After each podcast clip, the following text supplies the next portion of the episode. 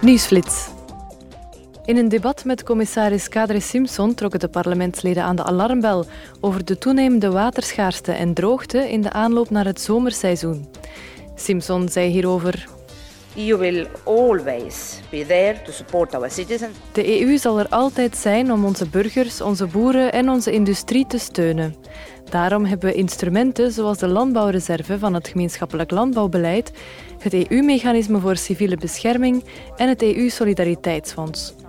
Dat is ook de reden waarom we onlangs de EU-doelen voor meer weerstand bij rampen hebben aangenomen, die ons zullen leiden naar een betere paraatheid bij en respons op rampen. We moeten er echter voor zorgen dat we de bron beschermen die onze bodem voedt. En dat betekent dat het goed gaat met onze bossen, beschermde rivierbekkens, gezonde bodems, duurzaam watergebruik en efficiënte waterbehandeling. Flourishing forests, protected river basins, healthy soils, sustainable water usage and efficient water treatment. Volgens de laatste gegevens van het Europees Waarnemingscentrum voor Droogte geldt voor meer dan een kwart van de oppervlakte van de EU een droogtewaarschuwing en voor 8% al een droogtealarm. Tijdens de plenaire vergadering schetsten de parlementsleden hun ideeën over de toekomst van Oekraïne in de NAVO. De prioriteit is om Oekraïne te integreren in de Euro-Atlantische gemeenschap. Ze bespraken ook hoe ze de wederopbouw van het land na de Russische aanvalsoorlog kunnen steunen.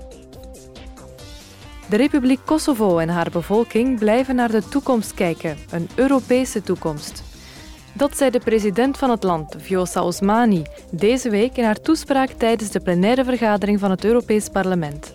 Ze benadrukte dat haar land een duurzame, rechtvaardige vrede en stabiliteit wil, waarbij respect voor soevereiniteit, territoriale integriteit en goede betrekkingen met buurlanden centraal staan. In our DNA, European values in ons DNA zijn de Europese waarden en het EU-gedachtegoed diep geworteld. Het zijn deze waarden die ons verleden vorm hebben gegeven, ons in het heden inspireren en ons leiden naar een toekomst waarin Kosovo bloeit als een baken van Europese ideeën. As a beacon of European ideals.